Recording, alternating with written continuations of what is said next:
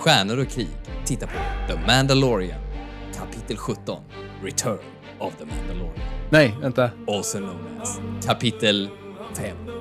Return of the Mandalorian. The Book of Boba. Nej. The Book of the Mandalorian. Vad fan är det vi tittar på egentligen?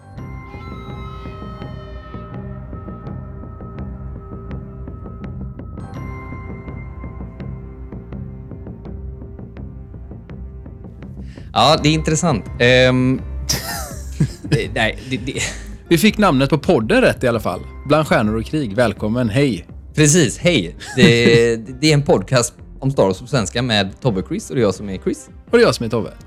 Ja. Men frågan är om den här serien vet vilken serie den är. Nej men så här, jag, jag, jag, vi har, det, den är lite svår att bena ut det här avsnittet just för att jag tror att jätte, jättemånga kommer att gilla det här avsnittet. Jag kan, och jag kan förstå varför man gillar det här avsnittet. Uh, så att, och jag känner mig lite sådär att jag vill inte liksom yuck anyone's yum ungefär. Va? Jag vill inte liksom shit on their parade liksom, för att någonstans så, så känns det som att det är ju jättehärligt och om man får det som man behöver med Star Wars. Men det här är inte det. Alltså jag tycker att, om jag ska sammanfatta vad jag tyckte om det här avsnittet, så tycker jag att den... Det är inget kanske fel egentligen i avsnittet, men det är väldigt representativt vad som kanske är fel i vår um, Star Wars-kultur, eller vad man ska säga, liksom, eller vad vi vill ha som Star Wars-fans. Det vill liksom att vi ska ha att liksom, allting hänger ihop, så att lagom när en serie avslutas så ska den nästa serie påbörjas. Liksom, och att vi liksom inte får det här bara liksom att man knyter liksom inte ihop säcken utan det ska bara gå vidare. Liksom. Och det är ju egentligen ett sätt att bara hålla oss... Alltså det blir liksom som det nya cliffhanger. Det är liksom som att du ska liksom hålla tittarna intresserade för att du måste... Glöm inte av den här karaktären för att snart kommer säsong tre av den här karaktären. Och eh, det hänger ihop med detta så att du måste se detta för att förstå vad som händer. Alltså liksom att det, det blir så cyniskt någonstans. Och det tycker jag är tråkigt. Jag tycker det är en, en tråkig um, inställning till, till det liksom, på något sätt. Att jag hade hellre liksom... Alltså jag förstår ju att... Eller det, det, det förstod man ju redan i förra avsnittet, att The Mandalorian skulle på något sätt komma tillbaka.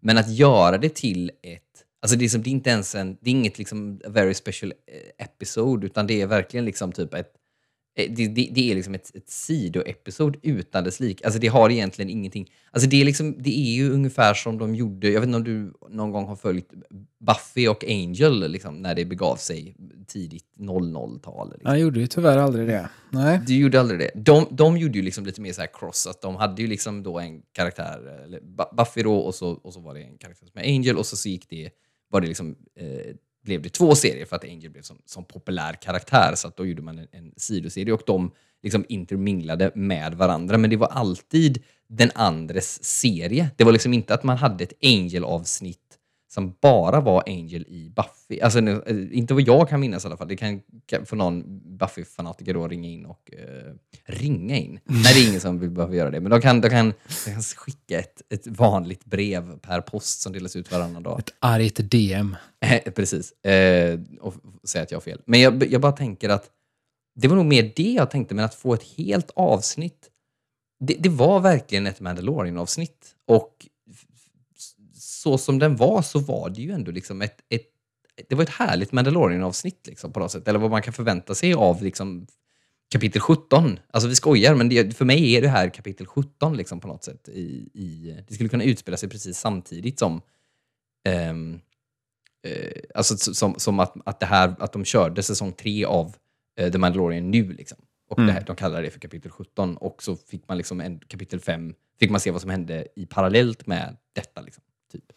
Ja, nej men jag, jag, jag håller med mycket av det du säger och det är väl en värd diskussion att ta så här inledningsvis innan vi liksom kollar på själva avsnittet. För att jag tycker ju inte att egentligen att, att det är avsnittets eh, fel i sig eh, att, eh, att det hamnar i den här kontexten så att säga. Eller liksom, det, det finns ju en, en lite större kontext som heter varför är det här eh, i The Book of Boba Fett och det finns en ännu större kontext i det du beskriver nu då som är hela Star Wars-kulturen just nu. Och jag vet inte riktigt om det är Star Wars-kulturen eller om det snarare är... Jag tror inte ens att det är... Nej, precis. Jag tror jag säger fel där. Ja, men jag, jag tror att det är Marvel-kulturen. Alltså det, Ja, det, ja. det är där någonstans den här enorma interconnectivity-grejen har tagit sån fart. Och jag menar, jag som har läst Star Wars-böcker och sån skit i liksom 20 års tid nu. Jag, jag förväntar ju mig den typen av att allting sitter ihop hela tiden på grund av att det har alltid gjort det i den liksom världen. Men nu när man tar det från liksom kanske då den innersta nördkretskulturen och ut i populärkulturen som det ändå är att stoppa en tv-serie högst upp i bannern på Disney+,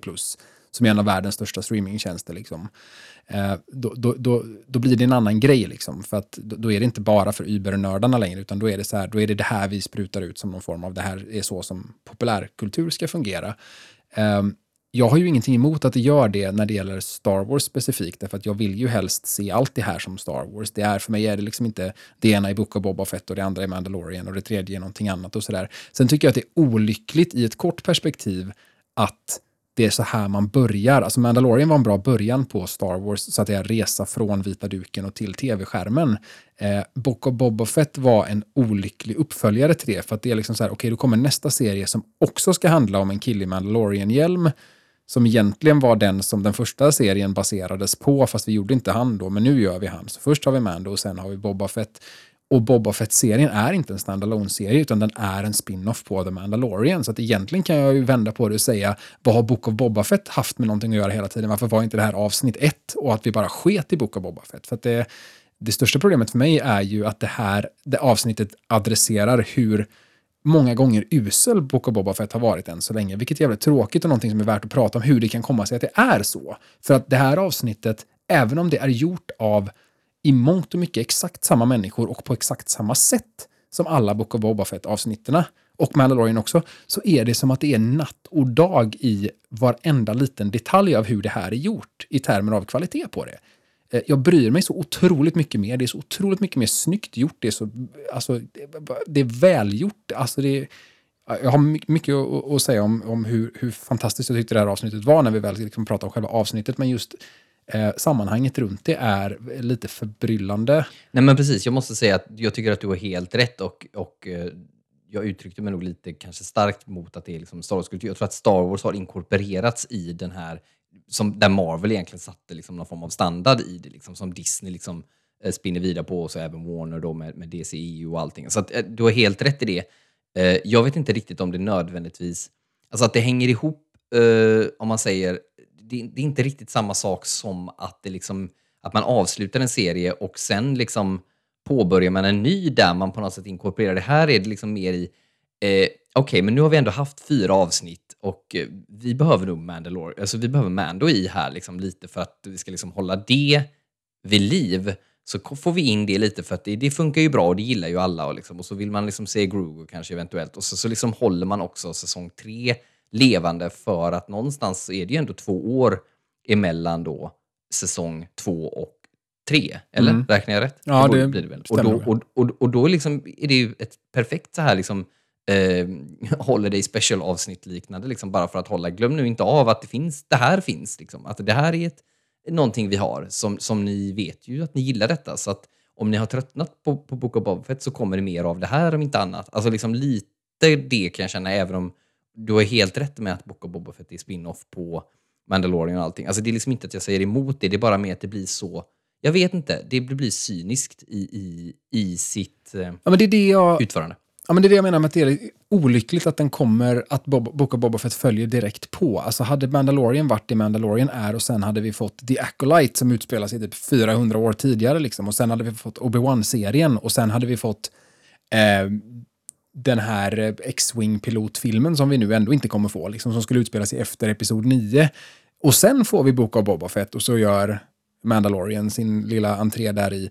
Då blir det inte det här omedelbara lilla universumet av att det bara är samma grejer hela tiden.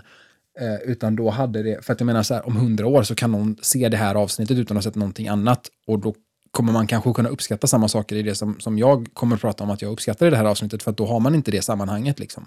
Men det är synd att de har satt det på det här sättet. Och där är väl min andra då kritik till avsnittet där jag känner att eh, jag tror inte att det är sant. Därför att jag tror att det man gillar med det här avsnittet, men du får ju verkligen rätta mig om jag har fel, det är inte avsnittet vad, det, vad som händer i avsnittet, utan det är, eh, det är ju en nostalgifestival.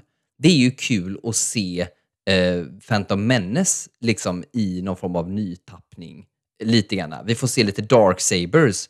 Eh, eh, vi får se liksom, den här återkomsten till en karaktär som väldigt, väldigt många gillar, Mandalorian och även en Viking Mando och hela det här hur det kopplas ihop med Mandalore. Eh, liksom, och man, man kopplar ihop det, det vi har pratat om tidigare, prequel-trilogin med Mandalorian-kulturen med liksom vad som hände efter Imperiet, alltså liksom att allting sånt där liksom blir, blir ett universum, typ. Och jag tror att det är snarare det, alltså att om man är investerad i Phantom Menace och vill få lite, eh, det, det, blir liksom lite som man, man går gaga på, på typ Phantom Menace nostalgi, typ, tycker jag. Eller liksom eh, Clone Wars nostalgi, tycker jag, snarare än att avsnittet i sig är så jäkla bra. För att det enda de gör är att han blir, han får apostasize typ, eller något liknande från, från liksom hela sin eh, creed. Eh, liksom för att han någon gång har tagit av sig hjälmen, mm. han har sin Dark Saber, han har försvarat den. Och eh, då har man liksom etablerat att okay, det, det, är någonting med Dark Saber och honom. Och det är väl fine. Och sen blir det bara liksom att de bygger ett skepp och that's it. Det händer ju ingenting annat, alltså liksom av... Vi lär ju oss ingenting om någonting av någon överhuvudtaget i, i det här avsnittet. Utan det är ju en nostalgifestival och det får vara fine, kan jag tycka, om man, om man vill ha det. Men jag, det är därför jag tror att det här avsnittet, det är jättekult nu när man ser det. Men jag är tveksam till att det kommer vara så intressant. Alltså jag ser ju hellre Phantom Menace igen då, i så fall, om jag vill se en Naboo Starfighter. Alltså liksom att det är det här, jag är inte intresserad när Star Wars handlar om Star Wars. Och det är det jag tycker att det gör här. Mm. Jag tycker att det här är ett praktexempel på det. Och det är väl det som jag vänder mig emot. Där det, det gör det, på, på ytan är det mycket coola saker. Och jag tänker inte liksom frånsäga det. Och jag vill liksom, som, som sagt, jag, jag ska för, verkligen komma in på saker som jag gillade med det här avsnittet. För att det finns absolut saker som är bra. Men det är just de sakerna som jag tror, alltså man, när man får se, jag säger det igen, Luke Skywalker i slutet av förra säsongen på, på Mandalorian. Det är liksom, det är för att vi vill se Luke Skywalker. Det är inte för vad han är i serien i det givna ögonblicket, utan för vi gillar att se Luke Skywalker. Det är samma problem jag har här. Vi, vi gillar att se det vi en gång... Alltså liksom vi får... Vi blir matade med det vi liksom redan känner till och det känns bekvämt, det känns välkommet. Men det utmanar oss inte och det ger oss inget... Det tillför inget nytt. Inte något nytt. Jo, det enda som jag kände var så här, det här var intressant. Det var ju hela den här varför Darksaber blev så tung, typ. Men mm. jag menar, Ja, det, det, till exempel, det, det fanns saker som, liksom de, som, som de började utveckla, sådär, men ur ett karaktärsperspektiv, hur de utvecklas, förändras, vad är deras motivation, eh, hur tänker han, hur har han förändrats eh, som person? Ja, då skulle väl man väl möjligtvis kunna säga typ att när han träffar den här lilla rodianen där så, så får man ju väldigt, eh, liksom så här, ja men han har ju blivit mycket mer human Mando på två säsonger det, det, kände jag att man ändå liksom fick lite den återkopplingen till att han saknade Grogu. Och sen ska han ju då givetvis ta upp den här presenten igen då, så att vi, om det inte är någon som har fattat det så är han, han saknar Grogu jättemycket. Jag tyckte att det var självklart redan när han såg den och liksom, eh, där tyckte jag de lyckades väldigt bra, trots hjälm. Liksom. Och att de har knutit ihop paketet så att det också ser ut som Grogu, så att vi inte ska glömma bort hur han ser ut eftersom han inte är med i det här avsnittet. Nej, ja, så att nu, det, det, är de grejerna som jag typ inte tyckte om med avsnittet och jag kan förstå och ha full respekt för varför man vill ha ut detta och det är helt fine och jag vill liksom inte att någon ska känna att, liksom, att de har fel i att tycka det. Liksom, att det är liksom, det, det, jag är jätteglad för dem som tycker att vad kul detta är att få se lite Phantom Menace-nostalgi och, och få sådana här saker. Men jag vill också lite utmana, för för mig, jag tror att Star Wars kan vara så mycket mer jag tror att det kan utmana oss på ett annat plan och det gör det ibland och det är när det gör det som det blir jäkligt intressant. Nu ska jag vara tyst. det ska jag inte alls det, vi ska fortsätta prata. Det hoppas jag verkligen. Ja. Eh, två saker. Alltså, dels så håller jag väl inte med om att det var en nostalgifest i den bemärkelsen. Alltså så här, I slutet av det här avsnittet så är det väldigt mycket kärlek till Phantom Menace. Det tyckte jag var kul. Eh, det är inte nödvändigtvis så att det tar över alldeles för mycket och det är inte mycket mer än att det är eh, lite podracing och eh, att det är med det här skeppet. Eh, men jag förstår vad du menar med det. Jag tycker inte att det är det som är det bra och jag tycker inte att det här handlar så mycket om, och det är väl egentligen den andra grejen då, att det, det är inte det att det handlar om Star Wars och att det är en massa nostalgigrejer, utan jag tycker snarare att det handlar om att de lyckas de lyckas få det till att vara väldigt mycket Star Wars därför att hela tiden så är det aspekter av Star Wars med i det här och det är ju ändå Star Wars vi kollar på och det är ju allt ifrån Father Years ifrån Episod 8 liksom till den här BD-droiden som är med i Jedi Fallen Order till eh, Ishitib-utomjordingen som eh, är Mandos arbetsgivare i början av avsnittet som är från Return of the Jedi till, till liksom, alltså de, de får in grejer högt och lågt och överallt liksom. Och det, det handlar inte nödvändigtvis om att det är nostalgi. För att här, i, någon, i någon mån, så här, jag, tittar jag på Star Wars, då är det ju Star Wars jag förväntar mig att titta på. Liksom. Jag, jag kan ju bli lite eh, matt, exempelvis som på eh, sequel-trilogin, där liksom varenda ny utomjording skulle vara en ny utomjording istället för någon av dem som redan finns. Liksom. För att det blir så här, men gör en egen science fiction-film då, om du gärna vill göra alla de här andra grejerna. Liksom. För att här finns ju ändå ett etablerat universum och jag tycker inte att man kan eh, riktigt spela nostalgikortet varenda gång som någonting dyker upp som redan finns i Star Wars, så att säga. För att någonstans är det ju ändå Star Wars det är och, och det måste få vara det och fungera på rätt sätt. Ja, men det har, det har du rätt i. Eh, och jag, jag, tycker också, alltså, jag vet att vi har pratat tidigare om Robert Meyer Burnett, eh, en youtuber eh, och filmtjötare på, på, på nätet som, som sa det en gång att så här, bra fanservice det är när man ger fans någonting de vill ha men som de inte har bett om. Eh, och jag kan garanterat säga att jag aldrig har bett om att få se en, en eh, Naboo fighter flyga eh, liksom i Beggars Canyon, men, men jävlar vad, vad jag tyckte det var härligt att få se det. Det kan jag, det kan jag absolut sticka inte under stol med att jag, att jag gillade det. Men om jag ska gå lite snabbt på vad jag, vad jag gillar med det här avsnittet och vad jag tyckte om avsnittet generellt. Alltså det, det som jag eh, slogs av mest med det här avsnittet, det är att det är första gången i Star Wars TV-historia som det kändes som att jag tittade på en Star Wars-film och inte ett avsnitt ur en Star Wars TV-serie. 100% håller med dig. 100% håller med dig. Det var verkligen något av det första jag tänkte också när, med den öppningen. Jag tänkte att det här är ju första gången vi ser en Star Wars-film fast på TV. Ja. Liksom. Alltså det kändes filmiskt på något sätt. Alltså det hade filmiska proportioner. Ja, det, det hade det. Det, var, det håller jag helt med dig. Episka proportioner och alltså cinematografin och fotot i det här avsnittet är av en annan värld än vad någonting annat har varit. Jag, jag har svårt för att föreställa mig att det här är gjort i The Volume. Det känns som att det här är mer traditionellt Nej. Star Wars-filmmakande. Jag tror inte det och jag tror att det är det som är, om vi, förlåt att jag avbryter, men jag tänker att det är det som är Alltså det, det, det, det, är lite det vi har pratat om med The Volume också. Alltså begränsningen av, mm. och the vol av The Volume. Och jag tror att de lite har kanske blivit lite för kära i The Volume. Alltså för att det är ett fantastiskt sätt att skapa på, men det blir också en begränsning om man inte vet hur man använder det.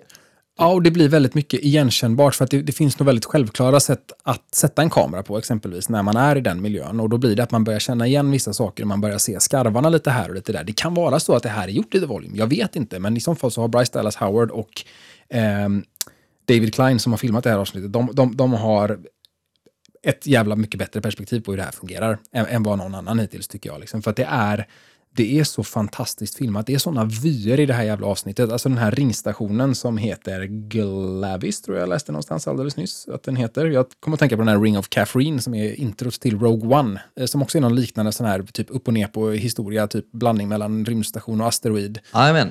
Men, men det kändes, det fanns en Rogue One-känsla ja. på starten. Lite grann så. 100 procent att det var det. Liksom. Jag, jag förstår. Och, och, det kändes filmiskt och det kändes Rogue ja, Det kändes One. mer filmiskt än Rogue One. Alltså det kändes liksom ändå inte kanske Star Wars nödvändigtvis.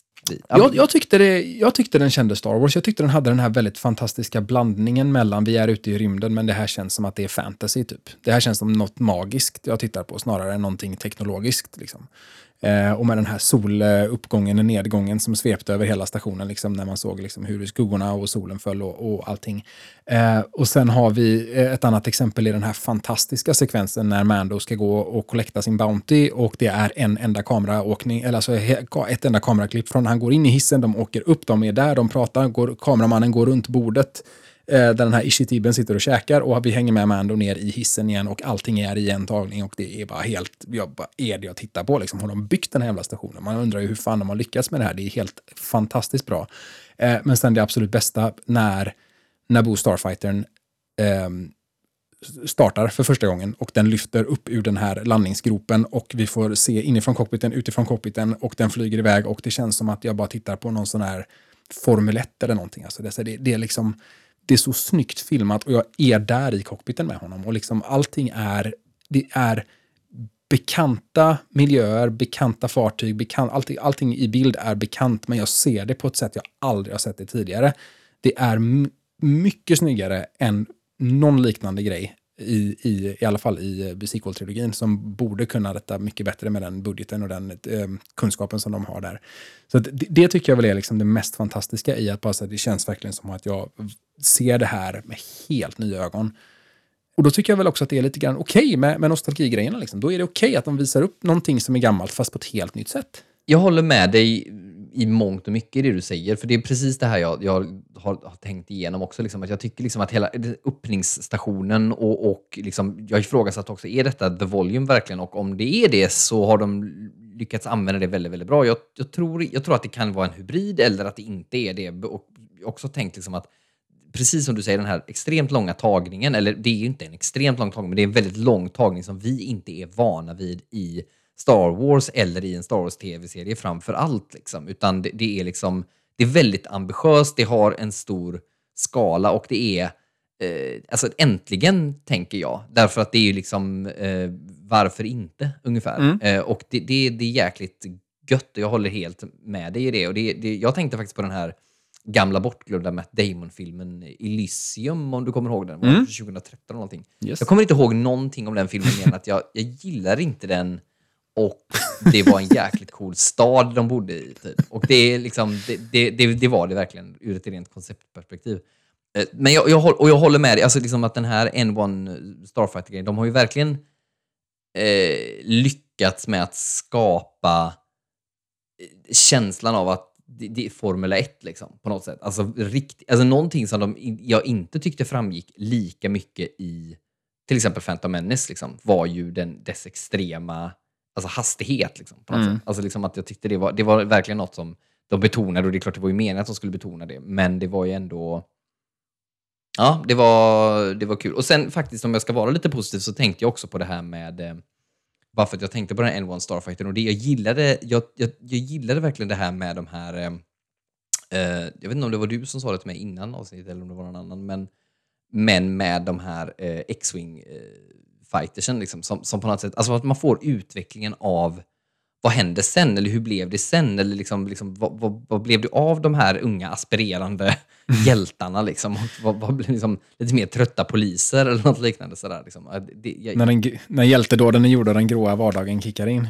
Precis, och uh, det var nog du som sa det. Men det, jag, jag, tycker verkligen att det var... Uh, det, jag, jag, kunde inte uttrycka mig så, men det var precis den känslan jag fick också. Liksom, och det var ganska det var gött på något sätt för det var roligt, men det var också liksom på något sätt, det, det gav mig någonting av liksom hur universumet utvecklas på något sätt. Sådär, liksom. Alltså typ, vi är inte i vi är liksom inte i the heyday av liksom the republic eh, liksom, ändå. Liksom, typ. Det har inte liksom bara liksom hoppat tillbaka 35 år i tiden, utan det är väldigt mycket som har liksom försvunnit och, och liksom, äh, blivit äh, tråkigare helt enkelt. Ja, vi kommer inte att hoppa tillbaka 35 år förrän i början på episod 7 där någonstans. Då hoppar vi tillbaka och allting som nollställer vi. Nej, men, eh, eh, om, innan vi liksom tar eh, avsnittet lite bit by bit, så en, en till sak som, jag, som var lite rolig, just eh, som gör att jag inte ser det som nostalgi, var att jag blev väldigt rädd när, de, när hon sa att hon hade ett skepp till honom, de gick bort mot det här skynket eh, och den uppenbara konturen som döljer sig. Man trodde att det var en podracer. Är att det är en podracer. Ja. Och jag var nej, Alltså, fan. Och så är det, ska det väl givetvis vara Anakins podracer också. För ja, det, det var väl inte Anakins podracer som eh, Cobb Vanth hade byggt om, utan det var en likadan bara. Men det här kommer vara Anakins podracer. Bara nej, snälla, där går fan gränsen. Och så är det en, en N1 istället. Och jag bara kände, åh gud, tack att det inte var en på. Så där har jag liksom en helt annan, så här, åh gud vad bra att de inte tog det extrema nostalgikortet och tog någonting väldigt vanligt istället. Liksom. Jag håller väl med om dig, för jag, jag tänkte precis samma tanke och jag, det måste vara medvetet alltså. För det, visst, visst fick man en, en eh, podracer-känsla ja, av det här, liksom, när den inte hade sitt skal på sig, liksom, utan det bara var det här liksom, lite mer skelettiga i, i skeppet. Liksom. Ja. Det, det, fanns verkligen den känslan. Ja, men så var det. All right, men vi har ju egentligen börjat, liksom, eh, vi har ju liksom egentligen hoppat över starten när han liksom hämtar sin Bounty egentligen. Så om vi hoppar in där och sen kan vi ju liksom, eh, liksom prata lite mer kanske om staden om vi har det. Men, ja. men det är en ganska rå start, helt enkelt. Den är rå i den, det är helt korrekt. Alltså det, det, det, och det, med en gång så är det ju verkligen den här, eh, vad kallar man det liksom? Coyote, Coyote-visslingen, eh, liksom the good, the bad and the ugly. Ja. Som, som, När han kommer in där. Men istället för att det är salondörrar så är det såna här eh, frysrumsskynke. liksom. Det var, min första tanke var, har jag någonsin behövt se hur ett slakteri ser ut i Star Wars? Jag vet inte riktigt. nej, jag fick en så-känsla. Liksom. Det kändes Ja, liksom väldigt kallt och, eh, och sterilt, och, eller sterilt vet jag inte, men väldigt eh, ja, men så här, ja, vad ska man kalla det? Industrilampor liksom och, och bara liksom... Inte helt st- sterilt som är rent i alla fall kändes det ju inte så här. Nej, men precis. Nej, Känns ju inte som att jag vill gå på den restaurangen som de säljer det där till. Nej, du vill nog inte på någon annan heller. Men, ehm... Nej, men det, det, det, det var ju också en ganska stor skillnad på, tycker jag, den actionen som vi har sett där mot vad vi får se eh, Boba Fett göra. Ja. Alltså liksom också var ju, det var, det var ju liksom, eh, vi har ju liksom lite pratat om det, vad är hans, hur, hur ska han bete sig och, och hur, varför känns han så, typ, kanske inte lam, men godhjärtad och välsint och vill inte göra en fluga för när. Liksom. Men Det är helt okej att säga lam, skulle jag säga. Ja, men Mando som vi ändå tycker om någonstans och ändå kan liksom empatisera med. Han, han, han, kan liksom, han lyckas hålla, tycker jag, balansen mellan att vara liksom en så här, ja, men jag kommer att plocka in dig nu, liksom, varm eller kall, typ, så kommer du in. Och de, har liksom gjort en liten, så här, den där lilla gimmicken som de gör en liten eh, callback till. Och det är väl, liksom, tycker jag, helt fine, för att det, är liksom, det påvisar ju att han är tillbaka i sitt gamla Bounty Hunter-game. Liksom, på något sätt. Vilket var lite märkligt. Eller så här, det tog mig nog fram tills han drog Darksabern innan jag helt och fullt förstod när vi var här. Ah, Då har han i och för sig Beskar-rustningen, men det hade jag inte tänkt på innan riktigt. Utan jag tänkte så här, okej, men är det här innan han träffade Grogu? Är det här någon form av flashback eller någonting? För att varför är han... Det kändes lite som... För att flashbacks måste ju... Ja, precis. Allting bygger ju på flashbacks. Liksom. Nej, men jag, jag förstod liksom inte riktigt varför han var tillbaka på ruta ett, men å andra sidan så, han var väl aldrig egentligen, alltså han, för han själv så har han ju aldrig accepterat att Grogu innebar någon form av vändpunkt i hans liv eller något. Det var ju en Bounty som, som liksom han kände att nej, men Ja. det här måste vi göra någonting vettigt av, men han ser väl sig fortfarande som en rättskaffens liksom, Bounty Hunter på något sätt. Så att, eh, ja, han har väl bara gått tillbaka till att fortsätta göra det han gör. Vilket är lite märkligt i och för sig, därför att det, it begs the question lite grann. Vad fan hände egentligen efter det att Luke hade dratt med Grogu? Vi har ju ändå Bo-Katan där och vi har ju hela Ja. liksom, dramat kring, kring det där. Men det verkar som att de har bara skeppat iväg Gideon till Nya Republiken och sen har han och Boketan gjort vad då? Liksom? Alltså det där är ju väldigt märkligt att de inte tar vid där. Där är ju den naturliga startpunkten för Mando säsong 3.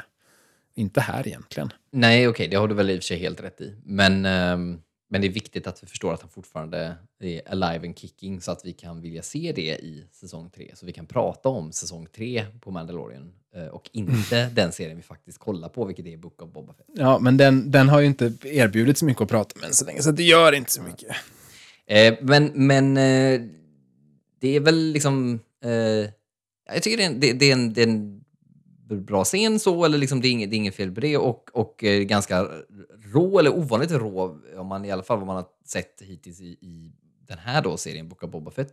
Eh, och sen kommer vi egentligen till den här coola staden eh, som vi har pratat om. Har du något mer du vill säga där, eller ska vi gå vidare egentligen till att han träffar sina, sina gamla eh, Bounty Hunt, eller sina gamla Mandalorian-kompisar? Liksom? Eh, ja, nej, inte mer än att det är... Alltså, de gör ju en grej av det sen då, att han, att han, han skadar ju sig själv på, på um, Darksabern, vilket är ganska ovanligt ändå, att man får se någon eh, hjälte Ja. med eh, sitt eh, coola vapen vara så jävla klantig. Liksom. Men det, är ju, det bygger ju vidare på det som du var inne på där, som vi kommer att komma till nu då med träningen och med varför Darksabern är så tung och varför han eh, behöver lära sig att hantera den. Liksom. Det tyckte jag var, det var en, en trevlig detalj som, som eh, som man kan kosta på sig i en tv-serie. egentligen så liksom. Det kanske inte är någonting som man egentligen har plats för i en film alla gånger, om det inte behöver tjäna ett ännu större syfte. Liksom. Och det, ehm, det är väl egentligen också någonting som, som, som man ska ha i beaktningen här. Vi pratade lite grann, eller du var inne på det här med liksom att det här är någon form av eh, intro till Mandalorian säsong 3 och att vi inte ska glömma bort honom och, och att det inte är så mycket i karaktärsutveckling och så. Liksom. Och det,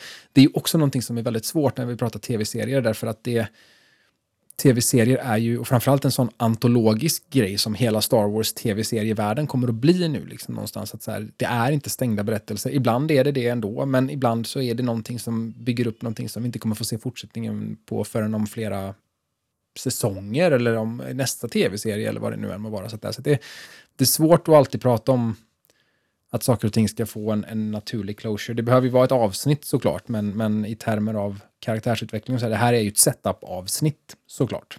Det är ett kapitel och inte en hel bok. Absolut. Um, Mycket om en lårskada. Mm. Men de träffar ju den här vi vikinga... Smeden. Mandalorian. Och Pass Whistler, va? Eh, som är John Favreau, eller? Jajamän. Spelar? Eh, rösten i alla fall. Ja, precis. Um, och det är den enda som har överlevt. Ja, det verkar så. Det var ju lite trevligt faktiskt att få se. Jag, jag, det, intrycket man fick av slutet på säsong ett av Mandalorian var ju att det egentligen bara var smeden som överlevde. Men eh, det är väl inte orimligt att åtminstone någon mer av dem överlevde. Men eh, ja, de är ju väldigt decimerade jämfört med vad de redan var. Känns det inte lite märkligt med den här, eh, den här då eh, Beskar-staven som han fick, som var ganska cool när han fick den. Liksom. Och sen så fick han något ännu coolare som var en Dark Saber och nu då så bara, nej nej nej, den där Beskar, så där jobbar inte vi, den får du smälta ner. Det där ska du inte ha. Alltså liksom att det gör vi inget vapen av. Alltså blev det inte lite sådär att det, det liksom bara, vad var anledningen med att han fick den då? Eller, liksom, eller förstår du vad jag menar? Att det blev väldigt... Um... Jag, ty jag tycker det var en jävligt cool liten worldbuilding mytologigrej att på samma sätt som att lightsabern är det perfekta vapnet för att skydda sig men inte gå till anfall så är Beskar-stål den perfekta metallen att bygga rustning för men inte vapen. Att jag tycker det speglar liksom den grejen på ett ganska coolt sätt och det, det, det ger ett, ett ytterligare djup till Mandalorian-kulturen tycker jag i hur de ser på saker. Ja, men det håller jag med dig om jag menar, ja men det håller jag helt med dig om. Jag bara tänker liksom ur ett rent så här, eh, varför... Det känns ju verkligen som att fanns det någon överhuvudtaget anledning till varför han fick den här? Det måste ju varit så att när, de, när han fick den i förra säsongen så var det mer som att det där vapnet, det är coolt, det kommer han ha nytta av. Och sen bara, Nej, för vi behöver göra någonting med den här dark sabern, Liksom, typ. Så att det, han kan inte ha den också. Typ. Nej, det, men, alltså, ska vi se det som i så här, vad, vad fyllde den för funktion i storyn så är det ju just att han behövde ha någonting som han kunde slåss mot en Darksaber med. Slutmålet var nog alltid Darksabern, men ur ett författarperspektiv ja. så, så här, hur ska han kunna vinna Darksabern utan att ha någonting alltså, som han själv kan duellera med? Då behöver vi någonting som, eh, som är likvärdigt det. Ja, det är sant. Så var det ju. Eh, och jag tycker det är coolt, det säger någonting om Mandalore, eller om, om Din Djarin, alltså Mando, också i, i hur lite han vet om saker och ting. För jag, jag satt och tänkte för mig själv den här eh, fantastiska sekvensen som vi får se när thai-bombarna eh, skjuter sönder Mandalore. Um, och, och, att smeden då berättar det för honom samtidigt. Det kändes lite så här, okej, okay, men det här är en så märklig exposition-scen. Det är jävligt coola visuella grejer, men hon står verkligen och berättar det här för Mando just nu. Vet inte han redan om det? Och så tänkte jag på det lite mer och insåg att så här, det är nog fan inte säkert att han gör det, för det känns som att han vet väldigt lite i, i enlighet liksom med den här extrema sektkänslan som man har hos då uh, The Children of the Watch, eller vad de heter, de här, um, den här lilla falangen av Mandalorier som han tillhör.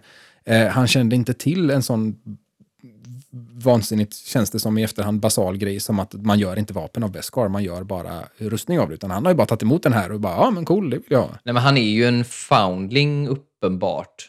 Och det, det, påverkar ju lite liksom hur hans förhållande är ja, och till dem. knowledge divided, liksom. för det här är ju ändå hans folk, ja. men han har inte varit liksom, inne i eh, alla hemligheter, utan det är lite så här, du får nå nivå 12 innan du vet det, liksom, och du är inte där än.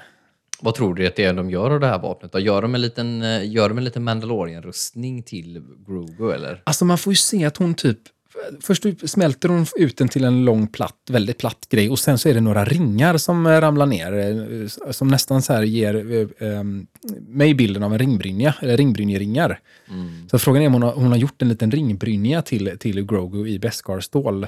Eh, och, och, då kan jag omedelbart säga, jag som ändå har, har snickrat ihop ett antal ringbrynjor i mina dagar, i mina ungdomsdagar. Så här. Eh, det fick, ingen... du, fick du sagt det? Precis. Det är ingenting man gör på en kvart. eh, det, det, tar en stund. Lilla alltså. vän. Ja. så att, hur länge var de där? Men han tränade väl med Darksaber under tiden? Gjorde han inte det tror du? Ja, men det måste ha varit så. Eh, I 40-50 timmar. Jag tror ändå att han var där ett tag. Han, ja, det bör han väl ha varit. Eh, för det, det är ingenting man eh, syr ihop på en eftermiddag. Liksom. Nej, men det känns också som att, att det här kan ju lika väl ha utspelat sig, alltså liksom att den lilla där pausen gör ju att vi hinner ikapp i vad vi har missat de senaste, alltså de här då eh, Book of Boba Fett-avsitten liksom, i realtid då såklart. Eh, Det har väl varit ungefär två dagar i realtid än så länge i Boba Fett. det- nah, det vet jag inte. Samlat ihop muscles i minst tre i alla fall. Eh, återstår att se. Nej, men jag tycker det var ehm, eh, lite roligt. Alltså också en grej som så här, spelar in i deras sektmentalitet. Grejen är att så här, det första, när, när Pass då ska, ska utmana Mando i, i, ehm, i att så här, jag vill ha Darksabern. Och, och, och smedens omedelbara reaktion på det är så här, okej, okay, Mando, går du med på det eller? Och han bara, jajamän, det gör jag, såklart. Och så ska de liksom helt plötsligt vara världens antagonister mot varandra. Så här, ni, ni har precis konstaterat att ni bara är tre kvar och alla är omedelbart överens om att en Ah, ja. ska bort. Vad, är det så här, vad fan? Men sen så säger ah, men sektmentalitet. Visst. vad är det för jävla kultur de har? Liksom? Alltså det, det kändes, jag tyckte också att det var så här liksom att är det verkligen det smartaste ni kan göra just nu? Är det att liksom, matransonering? Behöver ni liksom rensa ut någon? Är det liksom... Nej, verkligen inte. Men det är ändå någonstans in character för hur sådana här grupperingar fungerar, kan jag tycka, liksom, från, från mitt perspektiv i alla fall. Så det känns inte orimligt. Liksom. Folk i verkligheten har gjort dummare saker än det här. Liksom. Men eh, ja, det var, det var lite konstigt. Eh, får man väl ändå säga. Sådär. Lite weird. Men vill du säga någonting mer där om, om när de, eh, när de um, träningsslåss liksom, och har Darksaber-grejen där? För det tycker jag ändå var en, en, cool, en cool scen. Liksom. Ja, men jag, jag, tyckte, jag tyckte också att det var, det var liksom eh, nice. Jag, jag, tyck, jag gillade det. var ju väldigt så här... eh, De kom ju tillbaka till mycket det här riddarstuket. Liksom. Alltså, de är ju verkligen eh, riddare med tunga då, svärd, den här Darksabern. Liksom. Alltså, deras rustningar. Det är verkligen så här plåtniklas, liksom. alltså galore. Och det, det är lite coolt liksom, i plåtniklas i rymden ungefär. Det, det, jag, jag, tyckte det var ändå...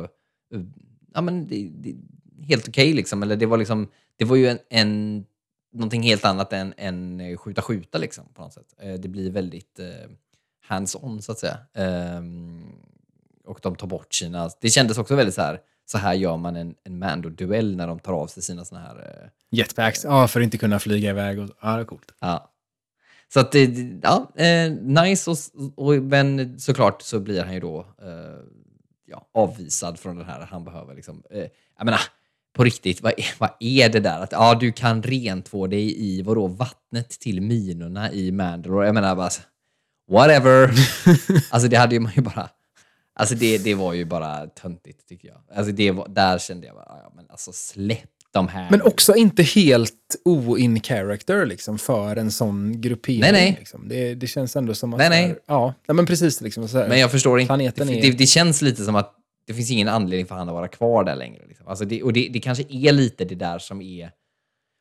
Det kanske är lite det de bygger mot också, liksom, där, där liksom typ eh, Bo-Katan då har lost the way och de här har ju bara totalt bara snöat in på the way och han kommer väl hitta någon middle ground, tänker jag, liksom, och bli då härskare över Mandalore eller någonting. Han kommer bli The Jag Mandalore. vet inte. Ja, Ja men typ liksom, eller att, att han, han hittade någon mer mänsklig approach till det hela. Liksom, på något sätt. ja och, det, och det tycker jag är en helt fine heroes journey. Alltså, så här, det är en sån där grej som jag, Absolut. jag är fine med att det är förutsägbart så länge de gör den berättelsen och den vägen dit cool. Liksom. För det tycker jag känns som en jävligt rimlig ark för honom. Absolut, jag håller helt med. Jag, jag, jag vet inte om jag nödvändigtvis tycker att det är så det borde bli eller om det, att det är det mest intressanta. Men bara för att det, är liksom, det känns som att det är dit det pekar mot så tycker inte jag att det blir sämre. Utan det är hur man gör det. Jag 100% håller med. Liksom, att det är det, det är det som är det intressanta och det är det som jag vill se. Liksom. Så att, eh, Väldigt schysst eh, nod också till, eh, till publiken med, när hon säger, pra, hon pratar om den här Mythosaur, då den här dödskallen som är Boba Fetts gamla logga, Just det. liksom, den här klassiska, som också var ritad på dörren utanför. Eh, dit, eh, han skulle in där och hon, hon säger att eh, nå- någonting, någonting om eh, The Mythosaur, sadly it only exists in legends. aha. Som ju är namnet nu för tiden på Expanded Universe, vilket jag tyckte var lite Ja, roligt. just att det. är så ja, fångat. Det tänkte jag inte ens på. Den- Ja. det är bara där den finns än så länge, men man kan ju tänka sig att det kanske... Soon to be hela Book of Boba Fett. Nej, jag. Ehm, nej, jag skojar bara. En annan grej innan vi lämnar ehm, den här Ja. eh, sekvensen. eh, Innan vi åker till Tatooine. innan vi åker till Tatooine, precis, med eh, buss 50 från Kallebäck. Så, liksom. så, men jag tycker det var lite alltså, bra, skönt, kul, intressant eh, på något sätt att de äntligen adresserade det här eh, som många har gnällt lite grann över som ett plot hole eh, efter både Rebels och Mandalorian. Att Sabi, eller, ja, um, ja, Sabine då från Star Wars Rebels ger ju Bo-Katan eh, Darksabern i Star Wars Rebels. Eh, vilket hon och Bo-Katan använder då sen Darksabern för att ena Mandalore-folket och allting blir till synes frid och fröjd där. Eh, och sen kom hela grejen då i, i Mandalorian av att nej, men den måste vinnas i strid. Och, och så har folk gärna ansett att så här, det här verkar inte gå ihop. Ajabaja, ni vet inte vad ni pratar om. Eh, här visade de ju någonstans att de visst vet vad de pratar om, att de till och med gör en så stor grej av det att eh, att, att liksom smeden då får det till att det är någon form av profetia nästan i att så här, den som faktiskt tar Darksabern utan att ha vunnit den i strid och, eh, och eh, utropar sig till eh, Ruler of Mandalore kommer att och liksom dra hela planeten i fördärvet, vilket ju också sen hände. Det, det tycker jag var en cool spin på det, eh, som eh, dels rätade ut alla frågetecken och dels liksom gav det en stor mening i att så här, för det här, de, de har ju verkligen bombat sönder hela planeten och liksom att det, det får en väldigt personlig innebörd för Bob Katan där.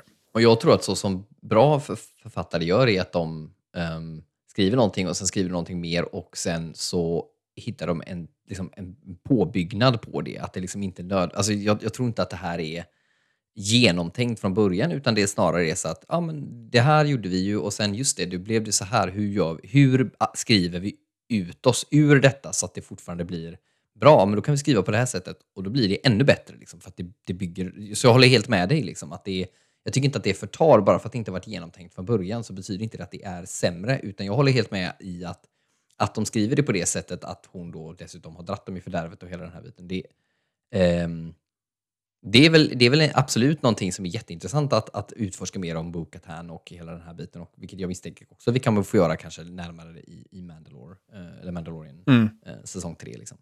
Jag är inte liksom att, jag, jag, jag tror inte att jag, vi får inte tillskriva de här eh, skaparna av, av Star Wars eller någonting annat som att de är liksom, det, det, är liksom inte Bibeln som bara trillar ner i deras händer utan man skriver och skriver och skriver om och så skriver man fel och sen så rättar man till det liksom på något sätt. Alltså det är så det fungerar. Liksom.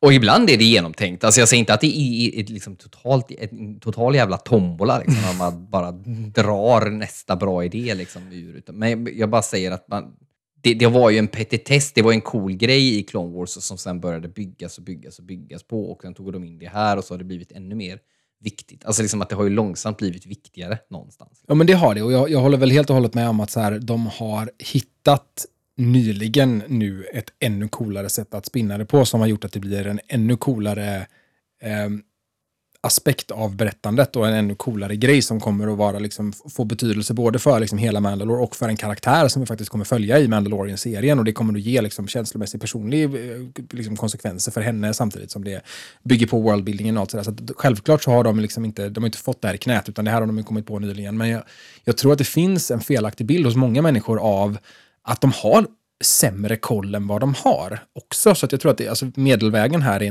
någonstans närmast sanningen. För att Absolut. Mycket, ofta så, så är det folk som ger så här omedelbart kritik om att säga, hur fan kunde ni missa den här detaljen om den här grejen? Liksom, och sen så visar det sig en stund senare så här, men det har de inte alls missat för att här, de är inte dumma i huvudet. Eller precis som du säger, de drar ju inte den här skiten ur en tombola. Liksom. Alltså, Dave Filoni är ju för, åtminstone Mandalore var liksom Tolkien är för Midgård. Nu sitter alla ungdomar och bara, tombola, vad fan är tombola för någonting? Jo, det ska jag betala. Det hade man i lotteri förr i tiden när vi var små. Precis. Tänk nätkasino fast för 50 år sedan.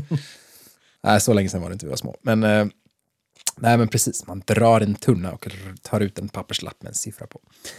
Um, nej, men alltså, jag menar så här, Dave Filoni har ju varit extremt mycket involverad i skapandet av Mandalore, Mandalores kultur eh, och han gjorde Clone Wars, han gjorde sen även Rebels och han har tillsammans med John Favreau varit med från början i Mandalorian. Självklart så kommer de på saker längs vägen, men de kommer ju inte att missa en sån fundamental aspekt av Mandalore-kulturen som hur, vad, vad har Darksabern för relation till hur Mandalore styrs? Det är ju inte någonting som de säger, aj jävla vi råkade skriva fel här, liksom. utan det där tror jag att de har varit extremt medvetna om att eh, hur Bo-Katan får Darksabern i Rebels, det är anmärkningsvärt och kommer få en payoff förr eller senare. Sen exakt hur den payoffen kommer att se ut, eh, det tror jag inte de visste från början. Att det skulle finnas en utbrytarsekt som, som den som Mando tillhör, det tror jag inte de hade koll på från början. Att de skulle ha sina egna liksom, skapelseberättelser och myter kring hur det hänger ihop. Det tror jag att de har kommit på nyligen. Men de, jag tror inte de gjorde ett misstag i Mandalorian när det helt plötsligt var så att du var tvungen att vinna den i strid. Det, det stämmer säkert. Det, jag, jag, jag, tror att det är liksom, jag kan inte gå in i detalj där, för jag kan inte den storyn liksom tillräckligt bra. Jag tror bara att, att liksom rent generellt så behöver man liksom ge dem the benefit of the doubt och förstå lite hur, hur liksom, stories skrivs. Liksom, eh, typ någonstans. Ja, men lite så. Um, Okej, okay, Tatooine-bussen mm. uh, ska vi åka nu. Uh, vi ska ta lite en uh, snabbfil till Tatooine. Det var ju lämpligt. Först måste du checka in dina vapen. Ja. För det får... Och, det, och det, det, känns väldigt som att han är där. Eh, liksom, alltså, och det är väl en del i det här då, där vi bygger den här karaktären. Som, det, det, är inte helt ointressant liksom, att han där så här, jag är ju ingen Mandalorian längre, uppenbarligen. Alltså någonstans så känns det som att han har börjat liksom komma underfund med att han inte är det. Sen kommer det säkert vända, men jag menar, han är ju inte en, eller han är i alla fall ingen true, true Mandalorian, eller vad man ska säga. Han är inte the follower of the way 100%. Liksom. Han kan lämna ifrån sig de här vapnen och det, det, det, det, kan gå. För att uppenbarligen är han ju ändå, liksom, han har ju ändå inte badat i eh, de här eh, gruvorna i, på Mandalore. Liksom. Så att han kan ju lika väl tona för det då när han ändå håller på. Liksom, att nu har han ändå börjat. Liksom. Ja, men precis. Och jag tyckte att det var en lite fin scen med den här lilla Rodian-grejen. Liksom. Alltså det här lilla barnet som vinkar och sådär. Det är alltså superfin. Säkert sen man själv har fått barn. Så, ja, ja. Loved it. Och, åker han tillbaka sen och, och vinkar lite sådär. Det, det, var, det var lite gulligt och kanske lite väl gulligt. Men det, liksom, det, det ja, vad fan, det, det, var, det var helt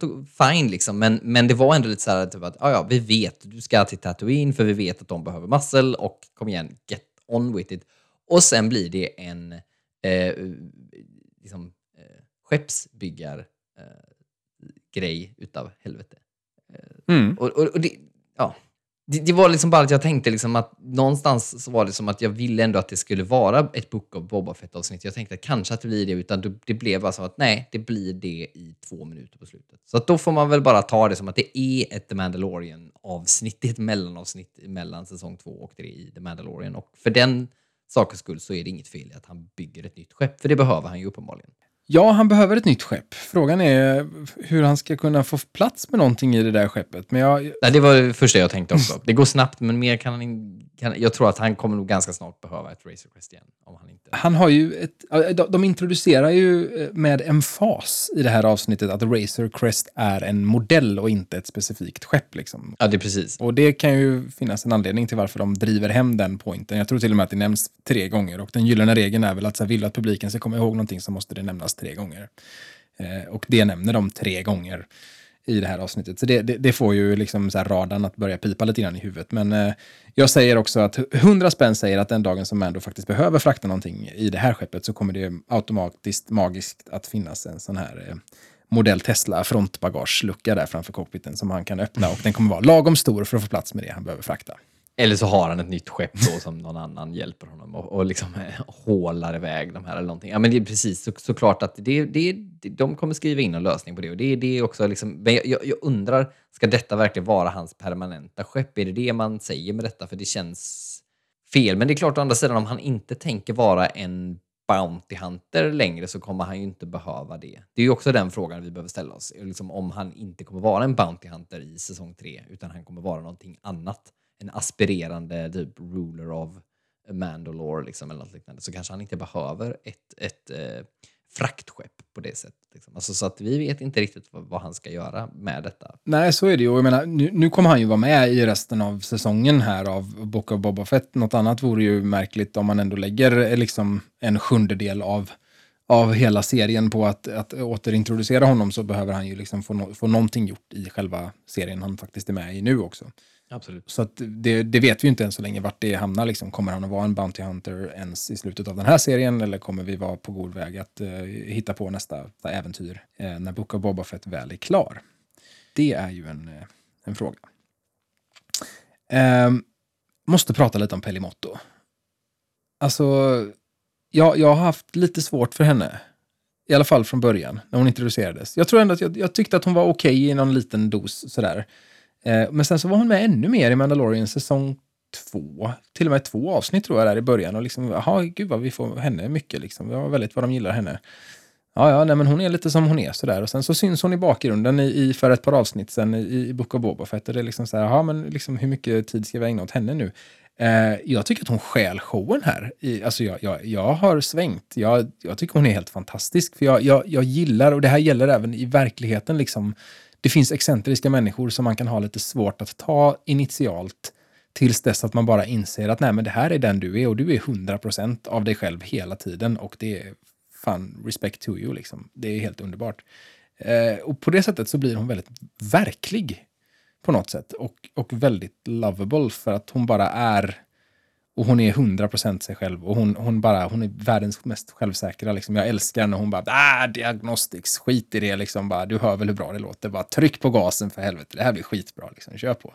Det, det är någonting väldigt eh, älskvärt med den karaktären. Som jag, och det, det trodde jag inte att, det skulle, att hon skulle eh, fastna på mig så mycket faktiskt. Men hon är, hon är fantastisk. De, de känner väl varandra ändå, tänker jag, John Favreau och Amy Sedaris eh, hyfsat bra. De har väl gjort i alla fall vid den här filmen Chef ihop, ihop. Som faktiskt är en ganska bra film som John Favreau gjorde för en, en 8-9 år sedan. Eh, som mm. jag tycker att man kan ta en titt på. Eh, och hon har ju en... Alltså Amy Sedaris har ju en extremt komisk talang som är svår att ducka för. Liksom. Så att jag kan hålla med dig i vad du menar, men det är också lite för att jag tror inte riktigt att vi har sett den typen av karaktär tidigare i Star Wars-miljö och då blir det lite att man blir eh, tagen på sängen när hon kör igång sin, sin grej. grej liksom. liksom. Ja, men den närmsta karaktären jag kan tänka mig är typ C3PO. Liksom. Den här liksom, ska du alltid gapa? Tror du alltid att du är lika rolig? Absolut, men han är mycket mer...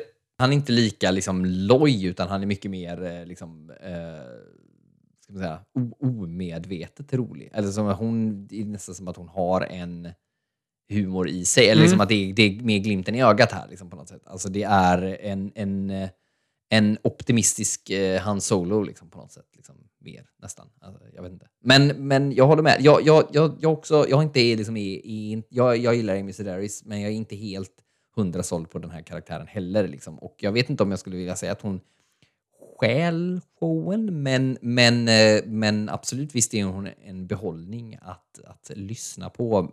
Um, men jag vet inte om det, vi behöver mer av henne, men det kommer vi nog inte få i den här. Det kanske blir liksom en sån här liksom, lite nice återkommande Tatooine-karaktär liksom, som vi kommer att besöka då och då eh, under, ja. under de kommande säsongerna av Mandalorian. Och, och ja, men det, det, det, får väl vara fine, för det kan jag väl hålla med om att så här, det, det får ju, hon, hon kanske lite grann vad jag menar med själshowen är också det faktum att hon ju faktiskt, hon tar ju över varenda scen hon är med i och det gör hon ju liksom fysiskt, oralt och liksom så här, vad det än är. Liksom. Det, när hon kommer in i, i, en scen, då är det hon som låter liksom, och går runt och domderar och fan pratar javaspråk och liksom ska stå och dra anekdoter och liksom peka och, och, och äh, bara ta över. Liksom. Så att, dels är det att hon stjäl showen liksom, för att jag tycker att hon är hon är fantastisk och rolig, men också bokstavligt talat någonstans så blir hon ju väldigt mycket. Eh, det är svårt att ha henne i bakgrunden i en scen, liksom, där någon annan ska försöka shina lite. Framförallt en sån anonym eh, nisse ändå, som, som Mando ändå är, liksom, med sin hjälm och sin fåordighet och tystlåtenhet. Liksom. Så att det, jag, de, de gör en, jag tycker de har bra kemi också på något sätt. Liksom. De, de kompletterar varandra väldigt bra i hur de i hur de är och hur hon får honom att känna sig osäker och lite sådär, vad är det som händer? Så att, eh, ja, nej, jag vet inte. Jag, jag tycker hon är, hon är fan härlig alltså. Är det första gången någonsin vi har fått se en Womp Rat i live action? Den här som försöker äta. Man får ju aldrig riktigt se den alltså. Du frågar ju fel person, skulle jag vilja säga. Men, men eh, det måste ju rimligtvis vara första gången vi får reda på i, liksom, i i, vad ska man säga, en serie eller film, alltså liksom att det inte är liksom någon bok eller någon som skriver att det är Beggars Canyon de åker igenom. Eller? Tänker jag. Det är väl inget som nämns i Phantom Menace att det är Beggars Canyon som de åker igenom, utan det kanske man får reda på i någon sån här EU-bok eller något liknande, eller? Oh. Säger de, de nämner väl inte Beggars Canyon i, i, i Phantom Menace-filmen, det tror jag inte. Jag vågar inte på rak arm svara på om det eventuellt är så att de här Fod och Bede heter de, var de här två huvudena som är typ eh, kommentatorer. Om de nämner det på typ huttiska eller någonting vid något tillfälle. Ah, de Eh, jag tror väl ändå att det alltid har varit vedertaget att det är Beggars Canyon på samma sätt som det alltid har varit vedertaget att Ewoks heter Ewoks, även om det aldrig nämns. Liksom. Det står i någon, någon visual dictionary-bok. Ja, precis. Det är jag helt övertygad om också. Eller i, i novell eller romanen. Liksom. Men det, jag menade mer liksom att man får det eh, svart på vitt, liksom, att det var faktiskt det det var. Liksom. Jag, jag tycker någonstans att det är mer intressant när det, när det sägs eller så i, i Mm. film eller serie. Men Womprat kan inte svara på det heller faktiskt. Fråga fel person. Ja, jag, jag tror att det, att det är första gången. Och då har vi ändå inte riktigt fått se den heller. Liksom. Men jag tycker det var lite... Jag har liksom ändå gått och väntat så här när de är ändå på Tatooine så förbenat mycket som de har varit nu det senaste i alla serier. Liksom att så här, ska vi få se typ bara, kan du inte bara någon, vid något tillfälle bara lägga ut den så att vi får se den och så bara säga det här är en Womprat. För jag är fortfarande nyfiken på hur fan en Womprat ser ut. De är not much bigger than two meters, som Luke säger. Liksom. Så att här, allting annat vi har fått se. Det finns ju någon annan liten så här critters eller skitters eller vad de heter som är så här små råttor som eh, dyker upp lite överallt på Tatooine. Men de är ju inte i närheten av några två meter. Men det här såg ändå ut som att det kanske kunde varit en, en baby womprat i alla fall. Liksom. Ja, men precis. Det var, ju, det var ju ingenting att leka med så tillvida i alla fall. Eh, Nej, nej men det var ju, det var ju så det eh, introducerades med henne och eh, Pellimotto. Det var ju, ja, hon lät mycket och skrek och gapade liksom. Eh, en sak som jag jättegärna vill eh, prata om också innan jag är färdig med vad jag har att säga om det här avsnittet är eh, det här montaget när de bygger skeppet. Jag tycker det var helt alltså, fantastiskt. Och jag, jag, det var så, Du menar montage som, så som i Rocky? precis exakt så Är det som det du menar? As made Ja. famous by, eh, by Rocky, eh, att vi har ett, ett montage. Och det är liksom, Rocky 4. Ja, de gjorde det. Ja, precis. Eller femman. Nej, men de, de, de, får, de, de ger mig en väldigt bra bild av att så här, okay, det ser ut som att det är i totalt förfall eh, och det, här, det är rimligt att de lyckas reparera det på det sättet som de gör. Men det jag absolut mest gillar, det är all teknisk mambo jumbo som de säger till varandra medan de gör det. För det är total rappakalja. Det finns inte ett spår av att det här skulle vara något krystat försök till att, till att faktiskt låta som att det är logiskt eller att det är någon form av sci-fi eller att det går ihop med någonting. Utan det är Nej. total bullshit, eh, over the top, allting de säger. Och vi fattar allt vad de säger med en gång. Ja, men det håller jag För det med liksom är så här, vi förstår innebörden i det. Och det, det, är, det är Star Wars. Liksom. Det är skit i om det makes sense eller någonting. Det är så det ska vara. Det, allting var totalt jävla... Vad är det som händer liksom? En cryogenic density combustion booster liksom. Det är, vad fan är det för någonting? Jo, det är en lång pinne som de kommer gåendes med javorna där. Och såg du att det är samma pinne som Hans-Olo har i Trash Compactorn när han ska... Eh, Absolut. eh, Absolut. Jag, jag, jag bara, det, det går inte att inte se. de där jävla knottrorna på den och allting var så här... Ja. Ah, skitcoolt, så nu vet vi. Liksom till och med det får de Det är det han håller i. Vad skönt att vi vet det.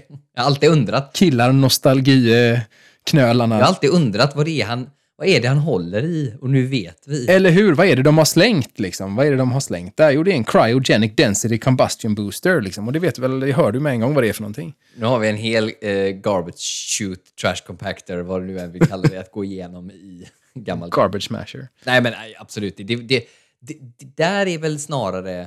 ehm, då kan jag tycka inte... Det som, det, det är väl typ sån nostalgi som kan vara lite nice och lite härlig och lite liksom så här, alltså där det inte är... Det är inte för mycket in your face, kan jag tycka. Men vi ska inte gå in i det. Jag bara menar liksom att jag vill hålla åtskillnad på vad som är eh, fine och vad som blir too much för mig. Liksom. Och där går gränsen liksom. För, för mig då att det, hade det varit podracern så hade det varit för mycket. Ja, det, det, det, precis. Det, det, ja, då hade jag... Då hade proppskåpet gått. Ja. Men, men, men jag, jag tänker också att ehm, det du säger är också väldigt liksom, viktigt. För det, det är väldigt liksom, det som är Star Wars i, liksom, om man tänker liksom, eh, framförallt kanske Empire Strikes Back där de håller på och skriker och Hydro Spanners Ja. ja. dit och fram och tillbaka och måste laga med den här och sådär. Liksom att det är ju verkligen det det är och det håller de ju på med lite i sequel-trilogin och sådär också. Och jag, jag tycker absolut att det är vettigt att man tar med det i att det inte blir så jävla dödsallvarligt hela tiden utan att det faktiskt finns en charm i det hela liksom, och, och nå, någonting väldigt så här. Det är nästan lite fars liksom. Ja, men precis. Och, och fast liksom man håller sig på rätt sida om det hela tiden. Jag, jag kanske tycker att man kliver över lite när hon, liksom haft, den, hon har dejtat en, en eh, Java. Liksom. Jag, jag tänker som att Ja, det, det, men det blir ju nästan som att helt plötsligt så går jag från att kanske då kolla på ett avsnitt till att jag vet inte om jag är i Saturday Night Live helt plötsligt. Alltså liksom att det blir lite det där då som vi... Nej, och det är ju det som är, det är det som är grejen med henne, för att så här, det är min första reaktion också, det är så här, fast verkligen, är, vadå liksom, är det här verkligen sant? Och sen så inser man att så här, fast det finns, hon är ju en, en sån här, vad heter det, en, en un, unreliable narrator som det heter. Då. Alltså, så här, hon, hon, kan ju lika gärna bullshitta honom. slänga ur sig saker. Ja, alltså det finns ju ja. ingenting som säger att det där är sant. Och det är ju någonting som man som fan då kan sitta och Nej. fundera på. Liksom. För det var också min första gut reaction, är liksom, det där är lite för mycket. Men å andra sidan, det är bara något hon säger. Liksom. Hon, hon snackar ju hur mycket skit som helst hela tiden. Liksom. Ja, det är sant. Den går i ett hennes mun. Ja. Så att det, det, det, får man väl ändå någonstans uh, ge det. Det har du faktiskt rätt i. Att det, det, det skulle lika väl bara kunna vara en, en blaj liksom, på något sätt. Alltså, så här. Mechanic blaj, ja, ja, helt enkelt. Liksom, att det, Sen att hon pratar Java är vi, vi alla vet ju hur mekaniker, de bara, de bara slänger ut Om inte det är Hydro Spanners så är det än de senaste har dejtat. Ja, men eller hur? Inget är sant. Jag menar, Hydro Spanner är ju fantastiskt. Hydro är alltså, har med vatten att göra och Spanner är liksom en skiftnyckel, en vattenskiftnyckel. Alltså vad är det för jävla skit han står och pratar om? Det är ju, bara, det är ju total skitsnack alltihopa, men det är så det ska vara. Det är, jag, jag tycker det är skitbra. Underbart. Mer teknisk mambo jumbo och sen är det väl egentligen Fenix Shand som, som gör entré och det är väl inte, det är väl föga förvånande någonstans. Sen att hon vet att Mando har landat där, det är ju lite intressant. Sådär. Liksom att det inte är liksom att hon letar upp Mando, utan att hon, hur hon vet det, har jag ingen aning om. Att han, där är han ju. Eller det är så jävla bekvämt när de behövde det, att han landade där. Liksom. Just. Ja, man får väl anta att han har rört sig i, i krokarna, i alla fall under några dagar medan de har satt ihop den där och då kanske de har haft... Eh... De brevväxlare tänker du? Ja, jag tänker kanske att det här eh, Mods moppegänget kanske har sett honom eller att de eh, på något sätt... Ja, det är lite oklart faktiskt. Ja, han, har väl, han har väl dykt upp på deras radar. Liksom. Ja, eller, eller om de bara liksom, typ kör en Don't be a stranger liksom, kontakt och liksom bara hook up på Facebook och tänker liksom att ja, men vi tar en kaffe när, vi, när jag är på Tatooine nästa gång. Liksom, en cup of java. Liksom. En cup of java juice. Ja, det kan ju vara så. Alltså, det, och jag menar, det, det, är inte nödvändigtvis att det måste förklaras heller kanske, men det blev lite väl eh, lägligt kanske. Jag vet inte. Men, ja, men det blir det. Nu är hon där i alla fall och vi förstår att de, de, de behöver lite muscles och eh, ja, det blir kul att se, eh, se vad de kommer att göra med det. Men samtidigt så blir det ju lite det här, eh, om vi nu ska gå tillbaka till att det här faktiskt är en serie om Boba Fett, eller liksom en säsong om Boba Fett eller vad vi nu ska kalla det, så är det ju fortfarande bara nu, det är ju egentligen bara upplösningen vi har kvar. Ja. Och jag känner fortfarande att, att hotet är så extremt oetablerat mer än att det bara är det här är ett hot. Ja. Och det är det det är. Alltså det, är liksom, det, det känns aldrig... Ja, det är verkligen en faceless enemy. Alltså liksom, jag har ingen... Det är bara The Pikes. Men alla vet ju The Pikes. Jag vet ingenting om The Pikes. Nej, alltså... Jag vet ingenting om The Pikes jag, jag tror, jag, jag är ju rädd för att jag, jag ska inte nödvändigtvis säga att jag är rädd för det, därför att det, det, behöver inte nödvändigtvis vara dåligt bara för att det är på ett visst sätt. Men jag, med, med stor asterix bredvid, jag är rädd för att, eh, så tänker jag att det är lite grann som i första Avengers, där hotet också är någon form av extremt oklar utomjordisk tentakelmonstergrej och så är det egentligen Thanos. Fast det får vi bara se i fyra och en halv sekund i eftertexterna och det dröjde sju år innan den fick någon form av payoff i, i Infinity War och Endgame. Jag tänker väl möjligtvis att Pikesen är någon form av, liksom, det är en diversion eller en distraction på något sätt bara och det kommer visa sig i de absoluta slutögonblicken av den här serien att det är egentligen någon annan Big det Bad. Darth Maul. Ja, men du vet, det var Darth Maul hela tiden. Eller om de nu ska ha in eh, Admiral Thrawn eller något annat djävulskap och att vi så här, det är Mandalorian säsong 3 och det är Asoka-serien och det är ett par andra jävla grejer som vi ska gå igenom och alltihopa ska bygga mot eh, Avengers Endgame i Star Wars i den här lilla fickan av Star Wars som vi just nu håller på och leker i, där vi är då liksom fem år efter Return of the Jedi och allting ska hänga ihop väldigt mycket där. Eh, som sagt, jag, jag, är, jag är rädd för att de gör det så därför att där, därför att jag, alltså så här, därför det finns stor risk att det blir förutsägbart och lite tråkigt. Det behöver inte bli dåligt, men jag, jag hoppas att de inte är så förutsägbara att det är så de kommer göra, för att det känns väldigt självklart att det är så de kommer göra just nu. Men det är inget fel i sig kan jag tycka att man gör Alltså att man bygger mot något större eller försöker liksom att få det att hålla ihop. Men man får inte glömma vart man är och vad det är man vill berätta just nu. Och det är det som blir problemet tycker jag snarare. Liksom att, det, liksom att om det visade sig att The Pikes var inte det, liksom det verkliga hotet utan det var som du säger, Thrawn eller någonting. Whatever, så här, liksom att det är inget fel i det, men eh, det som är fel i det är att det, liksom, Pikesen måste fortfarande vara, alltså liksom att vi måste vara här nu. Vi kan inte tycka att ja, men det gjorde ingenting därför att vi fick det här istället. Liksom. Alltså, någonstans måste jag gilla det jag ser nu. Mm. Jag kan liksom inte, det, det, det är det jag tycker att man tappar lite siktet på det. Och det är lite samma, det går, liksom, det går ihop lite med det här med att det, det min kritik mot att det här är ett Mandalorian-avsnitt. Att det är liksom att jag tappar intresset för att jag tittar på Book of Boba Fett. Liksom. Utan det är bara städa av det så jag kan titta på något annat istället. Liksom. Men jag behöver bara liksom hålla koll på vad det var som hände. Och om det är det det här handlar om, att man hela tiden bara ska hålla... Om, om serierna numera bara går ut på att jag ser den här serien för att jag ska kunna veta vad som händer i den här serien. Nej, jag håller helt och hållet med dig om det. Då, då blir det liksom, det blir inget, det, det, det, det, det blir som ett självkännande ändamål liksom. Typ, Mm. bara så. Det, det, det, blir jätte, för mig är inte det, Ah, jag gillar inte det helt enkelt. Alltså det gör ingenting för mig att, att man får det att hålla ihop, men man får inte tappa liksom vad det är man, man får inte tappa vad det är man vill berätta. Nej, men jag, jag, jag håller verkligen helt och hållet med dig. Och jag, alltså, där är väl risken då i att så här, Avengers, 2012 Avengers är Pirates of the Caribbean 1, där man inte vet om att Johnny Depp kommer att funka så bra som, som Jack Sparrow, medan liksom då det här riskerar att vara Pirates of the Caribbean 2, där man är jävligt medveten om hur jävla rolig han var och då ska vi göra honom rolig hela tiden. När han inte ens är med ska han vara rolig. Liksom. Det, är, det vi ska göra honom till den absolut roligaste jävla Disney-karaktären som någonsin har gått på två ben. Eh, för att när man gör den grejen i Avengers 2012, då är det en jävla chansning. Ja. Att det så här, kommer någon ha någon aning om vem Thanos är? Vad- Hur, hur, kommer, hur kommer det här att mottas? Liksom? Och vågar vi bygga mot någonting större som ligger så långt in i framtiden? Liksom? Kan, kan vi göra det? Vi har precis fått ihop den här filmen. Det var osannolikt nog.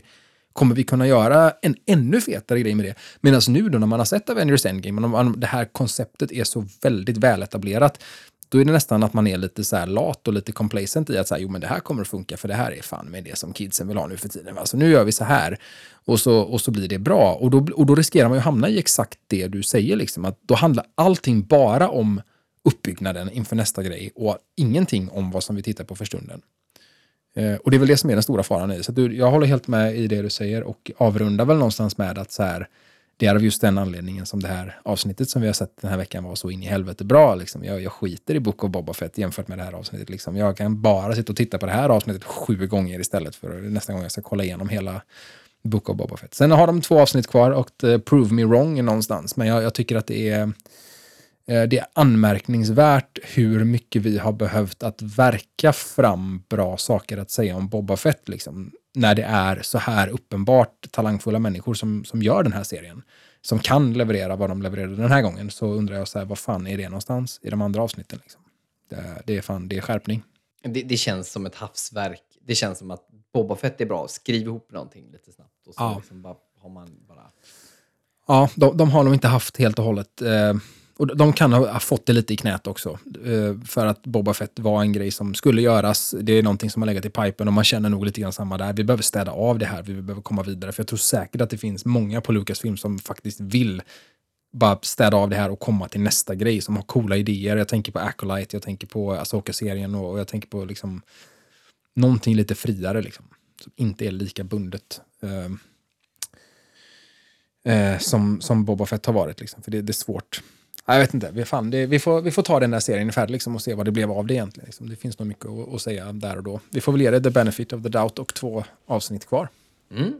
Uh, all right, så innan vi rundar av helt, vart hittar vi mer om vad vi gör då, Tobbe? Ja, men eh, följ oss på Instagram, at blandstjärnor och krig, eller mejla jättegärna till oss på blandstjärnor och krig gmail.com.